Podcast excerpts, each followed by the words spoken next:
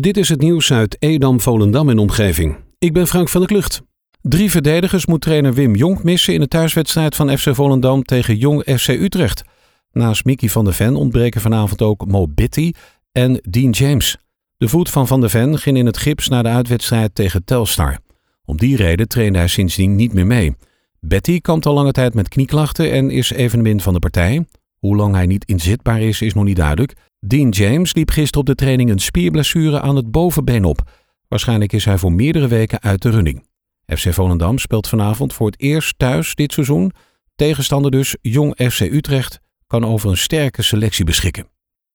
In Beets is een quadbestuurder bewusteloos naast zijn voertuig aangetroffen. Hij moest gereanimeerd worden en werd met spoed overgebracht naar het ziekenhuis. Over de toedracht van het ongeluk tast de politie nog volkomen in het duister. De bestuurder was nog niet aanspreekbaar en kan dus ook geen opheldering geven. Het enige wat uit de setting van het ongeluk duidelijk was dat de quad een paaltje had geraakt. In de Purmen moet ruimte zijn voor wat industriële uitbreiding. Dat vindt de gemeente Edam-Volendam. Zij wil via de wet voorkeursrecht gemeentegebieden daarvoor reserveren. Dat meldt het Noord-Hollands Dagblad vandaag. De gemeentes Edam-Volendam, Waterland en Purmerend zijn gezamenlijk bezig met de ontwikkeling van de Purmer. Edam-Volendam wil dat de percelen aan de Edamse kant een niet-agrarische bestemming krijgen, ofwel gemengd gebied met industrie. Op 17 september zal dit door het college worden voorgelegd aan de Raad. De gemiddelde WOZ-waarde van woningen per 1 januari was voor het vijfde jaar op rij hoger. Op 1 januari bedroeg de gemiddeld WOZ-waarde landelijk 270.000 euro per woning, 8,9% meer dan een jaar eerder. Dat meldt het CBS vandaag. In deze regio steeg de WOZ-waarde in Wormerland het meest, 12,2%, Edam-Volendam 9,8% en de gemiddelde woningwaarde is daar gestegen tot 303.000 euro. De Beemster staat onderaan het rijtje met een stijging van 7,2% De GGD Zaanstreek Waterland gaat vanaf aanstaande maandag 14 september de coronateststraat verhuizen naar de burgemeester Kooimanweg 14. De locatie is in samenwerking met de gemeente Purmerend gevonden. Het gaat hier om de oude locatie van Heron Auto's achter het AVA tankstation. De GGD doet dit met oog op de koudere periode die gaat komen ook kunnen volgens de GGD het aantal tests op deze locatie uitgebreid worden. Afgelopen week zijn in Edam de borden geplaatst waarmee de belangrijkste grachten van het centrum eenrichtingsverkeer worden.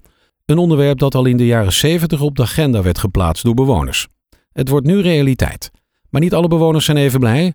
Mensen woonachtig op de uiteinden moeten meer meters maken via andere grachten om huiswaarts te keren. Of rijden alsnog tegen het verkeer in om de auto's vervolgens snel te keren. De gemeente heeft gemeld dat in 2021 gestart wordt met verkeersremmende maatregelen. Deels bedoeld om meer ruimte te geven aan fietsers en wandelaars. De nazomerkermis in Purmerend gaat niet door dit jaar. Dat heeft het college van BMW besloten. Er is geen alternatieve locatie voor de najaarkermis gevonden. De kermis stond van 7 tot 11 oktober gepland. Eerder kwam de gemeente met het bericht dat de kermis vanwege coronamaatregelen niet veilig was op de Koemarkt. Daarom heeft de gemeente de afgelopen weken samen met de kermisexploitanten gezocht naar een alternatieve locatie. Bij drie locaties zijn de voor- en nadelen en de kosten op het terrein geschikt te maken voor een kermis in kaart gebracht. En hieruit bleek dat het niet verantwoord was om de kermis nu op een alternatieve locatie te houden. Het Hoogheemraadschap Hollands Noorderkwartier zorgt voor de dijken in Noord-Holland. Regelmatig controleren zij of de dijken nog veilig zijn. Uit toetsing blijkt dat de Weerdijk op bepaalde delen niet voldoet aan de waterveiligheidseisen. Om Purmerend ook in de toekomst te beschermen tegen het water wordt hij nu verbeterd. Met een nieuwsbrief houdt het Hoogheemraadschap de omwonenden en andere betrokkenen op de hoogte van de dijkversterking. Het Hoogheemraadschap verwacht dat de werkzaamheden in het voorjaar van 2021 gaan starten. De gemeente Waterland gaat voorlopig nog geen extra leningen verstrekken aan starters op de woningmarkt. Een deel van de gemeenteraad wil dat graag, maar een ander deel ziet er helemaal niets van. Maar een ander deel ziet er helemaal niets in. Als een soort compromis gaat het college van BMW eerst onderzoek doen naar de haken en ogen die kleven aan het verstrekken van startersleningen. Dat meldt het NAD vandaag.